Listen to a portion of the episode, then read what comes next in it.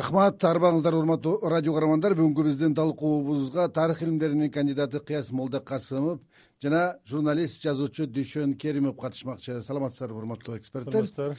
Кыяс мырза э, жогоруда айтылгандай мына депутаттыкка талапкерлердин тизмесинде эки жүз жетимиштен ашык адамдын сот иштери менен байланышы болгону ушул убакка чейин жана азыркы учурда дагы элүүдөй болуп жатканы айтылды бул жалпы талапкерлердин бир он беш пайыздайын түзөт экен да. Бул фактыны бул көрүнүштүн өзүн биз кандай кабыл алышыбыз керек? Э, кандай бааласак болот деп ойлойсуз эми мен өткөндө жаздым эле.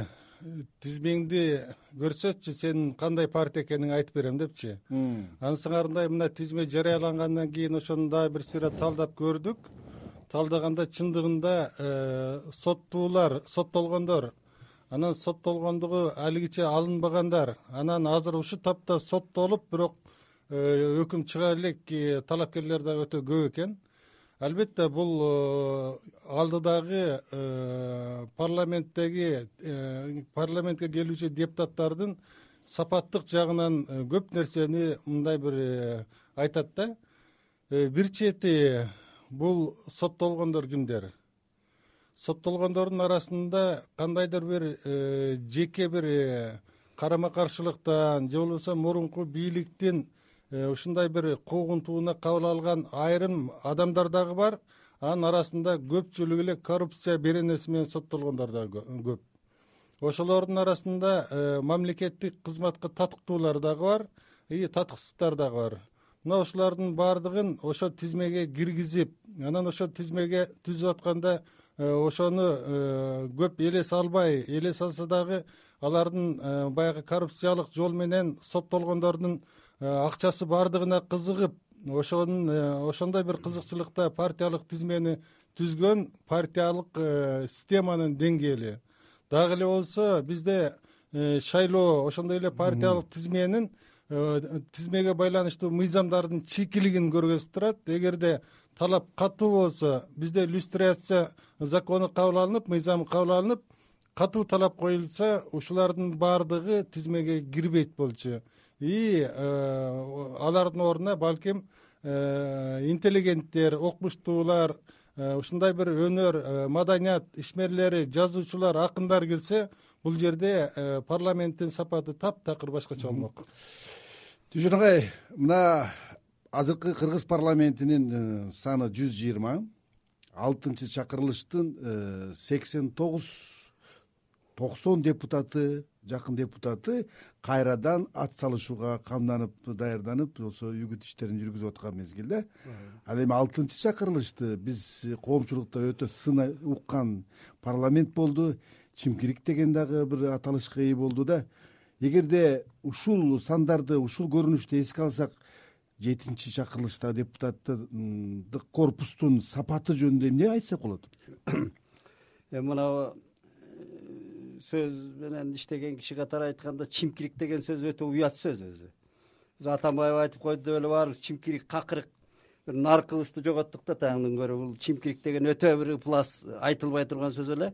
Бул аябай бир азыр активдүү айтып муну жазса да баары ушундай эми ошол образдын өзү э, алардын ким экенин айтып турат эми. Эң төмөнкү э, активдеги эң төмөнкү деңгээлдеги э, корпус деп айтып атабыз. Эми аны кой эми сабаттуулук жөнүндө кеп кылбай эле акылсыздык жөнүндө да кеп кылсак болот эми. Ооз сөз сүйлөй албаган эми акылы кем кишидей дөөдүрөп сүйлөгөн башында отурду эми. Баарын анын атын айтып кереги жок баары күзгүдөй болуп алакандай кыргыз элинде көрүнүп турат кимин ким экени эми булардын келип атканы такыр эле баягы марбажиевдин бир жакшы аңгемеси бар эле ашмалтай деген. Ошо ашмалтай деген орой сөз мына абдан образный сөз да ашмалтай жанагы эрди катын урушуп урушуп атып ашмалтай болуп калат анан бирөө кеттим дейт кайра келет. Ошондой ошондой бир баягы байдыкем айткандай бир катын нон алып деген сабы бар эле. Ошондой кыскасы ушул жанагы бир шайкелең ойсоке эмеге айланып калды да саясатта бизде болбосо эми ошол кишилер намысы болсо уяты болсо анын атага шек келтирип атат.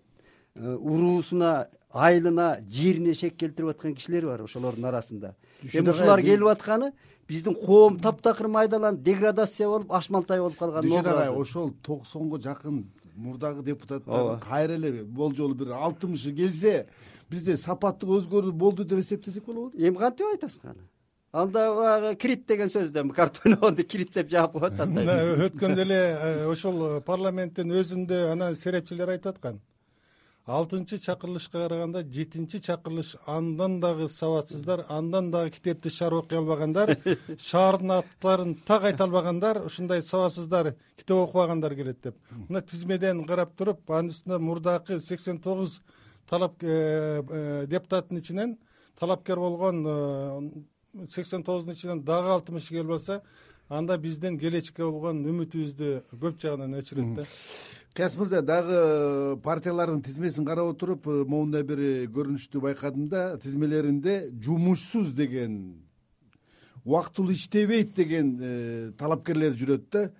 Анан кийин мына жазып атышат социалдык тармактарда эгерде талапкер депутат болом деп элдин тагдырын чечем деген адам өзүнө жумуш ордун түзө албай жүрсө анан элдин тагдырын кантип чечет депчи? Бул эмне парламент жумушу жокторду кабыл алган эмне?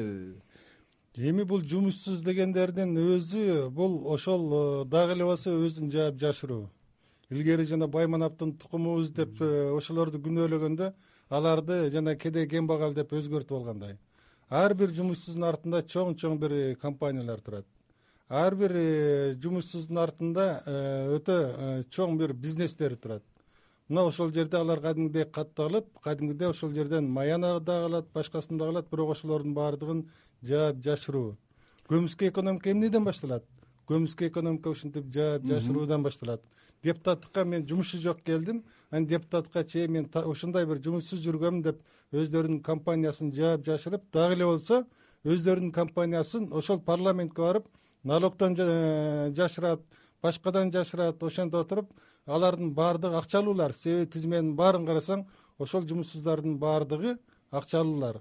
Акчасы жоктор. Бул э, азыркы парламентке дээрлик сексен пайызы э, тизменин арт жагына жазылган же болбосо таптакыр э, киргизилген эмес. Ошон үчүн бул жөн эле өзүн өзү жаап жашырып коомчулукту алдоо алдоонун бир эң чоң бир жеткен чеги дүйшөн мырза мына биз ушул убакка чейин акыркы үч төрт чакырылыштагы парламентте эмне үчүн э, жогорку кеңеште мугалимдер жок эмне үчүн врачтар жок эмне үчүн илимпоздор жок окутуучулар жок жазуучулар жок жана башка коомдук интеллигенциянын өкүлдөрү жок деп келгенбиз да бул жолку тизмени сиз карап көрдүңүзбү ушул интеллигенциянын бир карааны көрүнөбү? Болсо калыңбы же жукабы эмне экен? Интеллигенциянын зарылдыгы жок болсо эч ким чыгарбайт да алдыга. Зарылдык керек дагы. Бизде мына отуз жылда күпүлдөп келдик демократия. Демократия деген коом эмес биздики. Мен көптөн бери жазып келатам анархия дейт бизде. Ал мыйзамы сакталбаган мыйзамы иштебеген мамлекет анархия дейт. Мына тарыхчы отурат анархияда жашайбыз. Анан анда интеллигенцияң эми акаев доорунан бери мугалимиң дагы көчө врачтарга күнүбүз түштү. Мына врачтарың сабатсыз болуп калды. Азыркы кийинки улам келаткан анан жана жумуш жөнүндө айтып атасыңар. Эми ушул мына кыяз жакшы билет кытайдын э, тарыхын. Мынабу э, конфуций өзүнүн жазганы бар мени мамлекеттик ишке аралаштырбагандыктан эркин ой жүгүртүү менен алектендим дейт ал киши. Ошол жерде жумушсуз болгон өзү конфуций. Анан кийин кытай аны э, идеяларын башына алып чыгып атпайбы интеллигенцияң зарыл болбосо окумуштуң зарыл болбосо жалаң самопалдар баягы алдыга чыккан коом болсо биринчи акча чөнтөк алдыга коюлган коомдо жашап атабыз да биз. Анан депутатың өзү жөө жүргөндү намыс көрбөй атса жөө жүргөн киши эмес деп атса анан жана соттуулук жөнүндө айтып атасыңар. Соттуулуктун мисалы үчүн васлав гавел деген чехиянын биринчи президенти соттолуп диссидент болчу соттолгондун жөнү бар. Көчө мандела соттолгон отуз жыл. Келди да бийликтин башына. А соттолгондорду кимиси ошо кандай соттолду? Кеп ошондо? Соттуулук. Анан бул жерде андай электен өткөргөн бизде же бир коомдук тест болбосо. Элиң болсо азыр мына э, кыйкырып көчө мынабу бүтүн кыргызстанда мен дагы барып мыйзамдын бүтүндүгүн колдоп сөз сүйлөдүм ал мен бүтүн кыргызстанды колдобой мыйзамдын бүтүндүгү үчүн.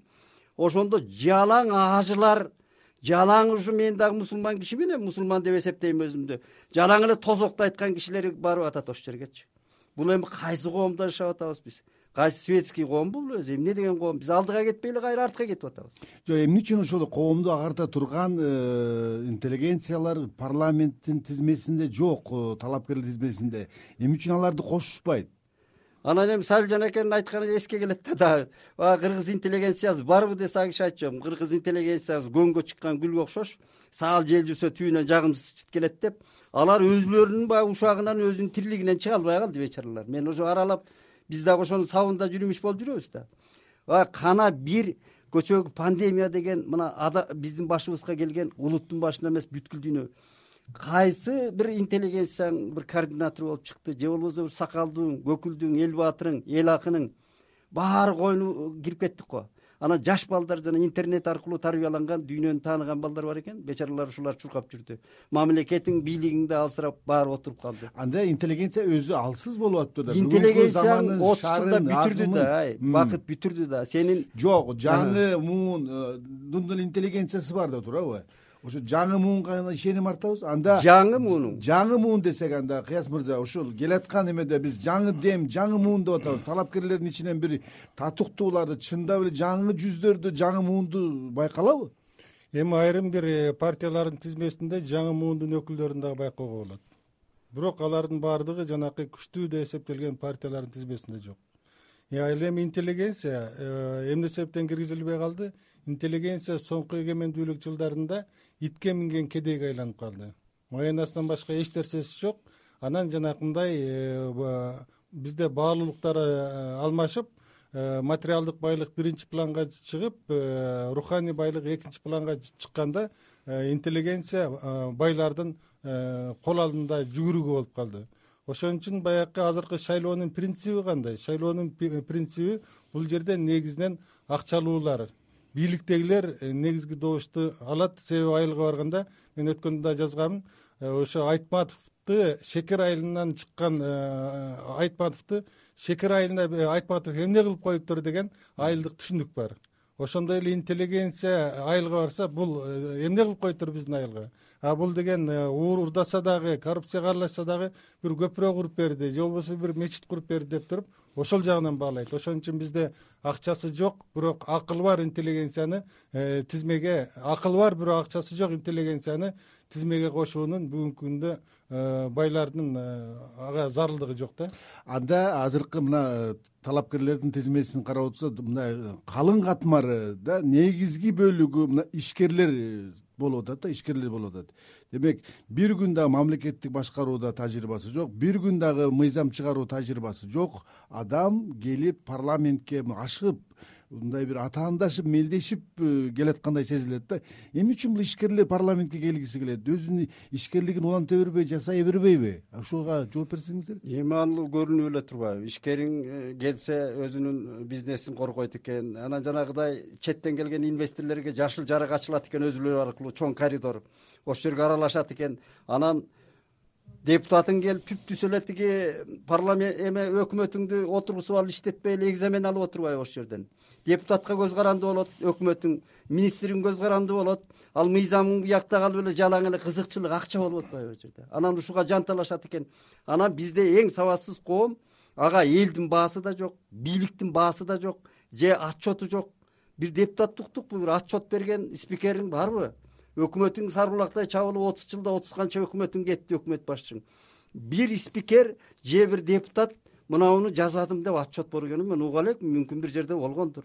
Булар бир отчету жок. Такыр эле монстрго айланган бир э, парламент болду да. Өзүнө ошондой система болуп калды. Анан булар эми жанагы жашыл коридорго жулунуп атпайбы болбосо качып кетет экен. Акчаны таштап ага жол ачып берет экен органдарың жүрбөйбү шадиевиң кайда жүрөт бүгүн америкада беймарал оокат кылып атат дейт. Башкаң жүрбөйбү? Көп кишилер жүрбөйбү сыртта жыргап эле эки президентибиз мына алгачкы качкын президенттерибиз. Бирөө минскиде спорт менен машыкканын көрсөтөт. Бирөө москвада лекция окуп жүрөт. А биз бул жерде мамлекет сөрөй болуп отурабыз. Сурагы да жок эчтекеси жок чынында. Ал бул коом деген ушундай ашмалтай коомго айландык да биз каз мырза мына талапкерлердин арасында криминалдык дүйнөнүн өкүлдөрү келатат деп э, айтылып атат. Э, деги эле бул э, алар ал чөйрөнү ким таанып ким аныкташ керек? Биз аларды кантип айырмалай алабыз деген суроо туулат да алардын парламентке өткөрбөй коюунун бир чарасы барбы? Же жөн эле бизди мындай коркутуп үркүтүү эмеспи бул? Келатат баягы моккочо келатат деген сыяктуучу эми бул жерде э, чынын айтканда эгерде бир интеллигенциянын өкүлү же болбосо белгилүү бир акын айылга барып эч таң калтыра албайт. Эгерде айылга бир мушташкан бир жерден ушундай баягы э, эрежесиз эр мушташта э, чемпион болгон бала барса ал айыл үчүн идеал. Ошон үчүн шайлоонун да бул бир ыкмасы экинчиден шайлоонун азыркы э, соңку бир эки жолку парламентте эки жолку шайлоодо шайлоонун эң ыкмасы бул коркутуп үркүтүүлөр менен күч менен э, көп добушту алганга э, жетишкендер ошолор жанагы тизмеге кирет.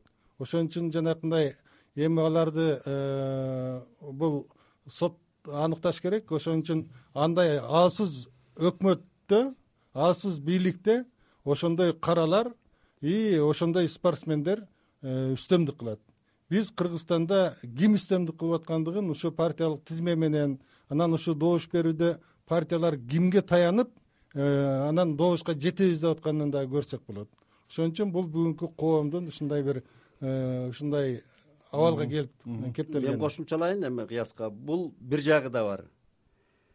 Сталин өзү черный болгон деп жүрөт да каралардын. Маселен мен салжанакедей азил менен пиночет келген ушундай кырдаалдарда мына э кийин соту болду бул бийликтин биринчиден алсыраганда мыйзамың иштебей калганда ушундай кара күчтөр келет. Кара күчкө таянат өзү адамзат. Акыл акыл аксаган жерде кара күч биринчи орунга чыгат да. Эми э, мен тамашалап да жазып жүрдүм. Шевченко деген бир мушташ менен чыккан кызды президентибиз кабыл алып атат. Былтыр биз арабияга бир жарым миң киши көчмөндөр оюндарын дуулдатып барып келдик. Биздин алып барган кишибиз дагы бирөөнү дагы кабыл алган жок президент. Андай бүткүл дүйнөнү таң калтырып келди көчмөндөр оюндары менен кыргыздар. Анан шевченкону кабыл алса мен таң калдым. Эми ал э, дүйнөдө андай абройлуу деле спорт деп эсептелбейт. Гумандуу спортко өнүккөн адамзат гумандуу спортту колдойт өзү. Анан бизде мунун баары бир ал каралар деле өзүбүздүн балдар маселенчи чындыгында. Ошо чимкиригиң деле өзүбүздүн балдар. Баары ошол биздин кыргыздын коому баягы салжанакеге дагы эле айтам мен баягы ушул элдин баатыры көп дегендей ушу кара баатырлар чыгат эми ушундай да алсыраган жериңде жок анда биз айласыз мындай шартка моюн сунуп беришибиз керек анда коом дагы бийлик дагы баарыбыз анда. Элдин инстинги ойгонуш керек. Эл ойгонот да мындайда байыркы эл катары өзүбүздүн рухубуз бар. Мына жаштар жөнүндө кеп кылып калдыңар жаштардан мыкты э, муун чыгып келатканын көрүп атам. Бирок тамырынан ажырап калгандай да. Алар манасыңды да каада салтыңдан ажырап калган. Себеби андай бизде э, ошону көтөргөн же болбосо жазуучуларың көчөдө калса тиги э, гуманизмден каада салтыңдан ажырап тамырынан ажырап калды да. Мына көчөкү бул атыры абдрахманова деген жана москвада келип аткан кичинекей чыканактай кыздар мыкты сүйлөйт. Ошондой жаш балдар жанагы ар кайсы партиялардан чыгып атат. Алдыга ой берип атпайбы булар? Бирок ошолорду мен карап отурсам бүт партиянын лидерине көз каранды экен. Жалтактап ошо текебаевдин алдында текебаевди мактап отурушат. Каяка барса эле текебаевди биринчи кеп кылат а өзү өзүнүн эркин оюн айта албайт. Баары бир тиякты карап турушат да жалтактап. Бул дагы бир жакшы көрүнүш керек. Э, кыяз мырза мына талапкерлердин тизмесинде мурдагы депутаттардын бийликтеги чоң атка минерлердин бала чакасы неберелери келатат дейт. Булар да өзүнчө бир катмар болуп келатат да. Булар эмне кызыгат? Анан алар айтып атат кайра жазып атат эмне үчүн биз э, атам же болбосо апам министр болгончо мен күнөөлүүмүн мен укугум бар деп алар дагы жазып атат да. Мындай чөйрө менен кантип эсептеш керек? Булар эмне үчүн эми алардын арасында дагы жакшы тарбия көргөн анан бир э, атасынын жолунда эмес өзүнүн бир жолунда болуп өлкөгө салымын кошобуз дегендер дагы бар. Бирок ошондой болсо дагы бүгүнкү күндө бизди э, кыргызстанда өлкөдө партиялык тизме менен парламентти куруу э, мүмкүн эместигин көргөзүп койду. Себеби партия деген өзү бул идеялардын идеологиянын негизинде бириккен чоң бир күч өлкөнү алдыга сүрөй турган бир чоң күч ал эми бүгүнкү күндө парламенттик шайлоонун алдында эле жанакы бир үйүрдөн экинчи үйүргө качкан тигиндей баягы жижиң э, бээлердей болуп э, бир партиядан экинчи партиянын тизмесине өтө качып идея дегенди дагы идеология дегенди дагы түшүнбөгөн ушундай бир э, өзүнчө бир көрүнүш пайда болду. Ошон үчүн бизде мына партиянын өзү кандай болуш керек партиялык тизме кандай болуш керек? Ушулардын баардыгын мына бул мыйзамдык базасын жаңыртмайынча бизде ушундай көрүнүш кайталана берет. Себеби биз айтып келе атпайбызбы ар бир бийликтин учурунда бирден э, бийликтин партиясы болгон и ошол дагы эле болсо уланып кетип атат. Ар бир жанакындай баягы атасын эгерде соттоп же атасы баягындай баягы өзү катышпайм десе атасы алып барып туруп баласын же кызын кошот. Эми ушундай баягы династиялык аракеттер дагы күчөйө берет. Ошон үчүн мына партиялык тизменин принциптерин мыйзамдык э, негизде бир өзгөртпөйүнчө коом ушундай боло берет дүйшөн мырза сиз жыйынтыктап берсеңиз мына ушундай жогоруда биз айтып отурган көйгөйлөр менен кошо кошоктошуп келаткан парламентибизди кантип бир сапаттуу жаңы курамды ала алабыз? Тандоого келгенде жарандык коом жалпы эле биздин шайлоочулар кандай жоопкерчиликтүү мамиле кылыш керек дейсиз эми эл э, азыр могу интернет дегениң баары көрүп турат алакандай мындан он жыл мурунку шайлоо эмес азыр. Эч ким будамайлаш кыйын экен. Кечээкү мен бүтүн кыргызстандын фактысын да көрүп атам. Эми бул бир эле э, президентибиздин эркиндиги ошол кишинин калыстыгындагы акыйкаттыгындагы мен эркин ой жүгүрткөн киши катары айтайын. Бүт ушу президенттердин э, кийлигишкенинен болгон буга чейинки чырлар ушул киши калыс туруп берсе акыйкат туруп берсе анан баардыгы ордуна келет. А эл деле көрүп турат эл эми элиң өзү көчөп нан таппай турса. Ал эми акчага азгырылбас киши жок ай. Бирок акыйкат дегенди эл өзү түшүнүп турат бүгүн. Кыргыз эли баягы байыркы эл түптүү эл бул өзү жалкып да калды э, бийликке ишенбеген бир чоң катмар пайда болду. Ошон үчүн муну президенттин акыйкаттыгы көп роль ойнойт жок президенттин акыйкаттыгы андан сырткары жалпы элдин шайлоочунун жоопкерчилиги мындай бир жети өлчөп бир кесүүгө үйрөнүшүбүз керек го дейм? Ал үчүн шайлоочуларды даярдашыбыз керек. Шайлоочуларды ак менен караны адал менен арамды э, акыйкат менен э, акыйкатсыздыкты ажырата билүүнү үйрөтүшүбүз керек. Мындайча айтканда мен дагы эле айтам Э, ушул төртүнчү октябрда анан кийинки шайлоолордо бул революциялык жол менен э, э, ушундай бир парламентти кураш керек болуп калды. Добушту сатылбай алданбай и арамдык жол эмес адалдык жол менен добуш берүүнү дагы карапайым элдер үйрөнүш керек болуп калды. Рахмат урматтуу радио каармандар. Бүгүн биз жогорку кеңешке келаткан депутаттыкка талапкерлердин тизмеси андагы сапаттык деңгээлди жогорулатуу келерки жогорку кеңештин социалдык катмары кесипкөйлүгү жалпы сапаттуу курамын кантип жакшыртабыз деген темалардын тегерегинде кеп кылдык. Бүгүнкү биздин талкуубузга тарых илимдеринин кандидаты кыяз молдо касымов жана журналист жазуучу дүйшөн керимов катышты. Берүүнү мен бакыт орунбеков алып бардым. Кайрадан эфирден жолукканча аман болуңуздар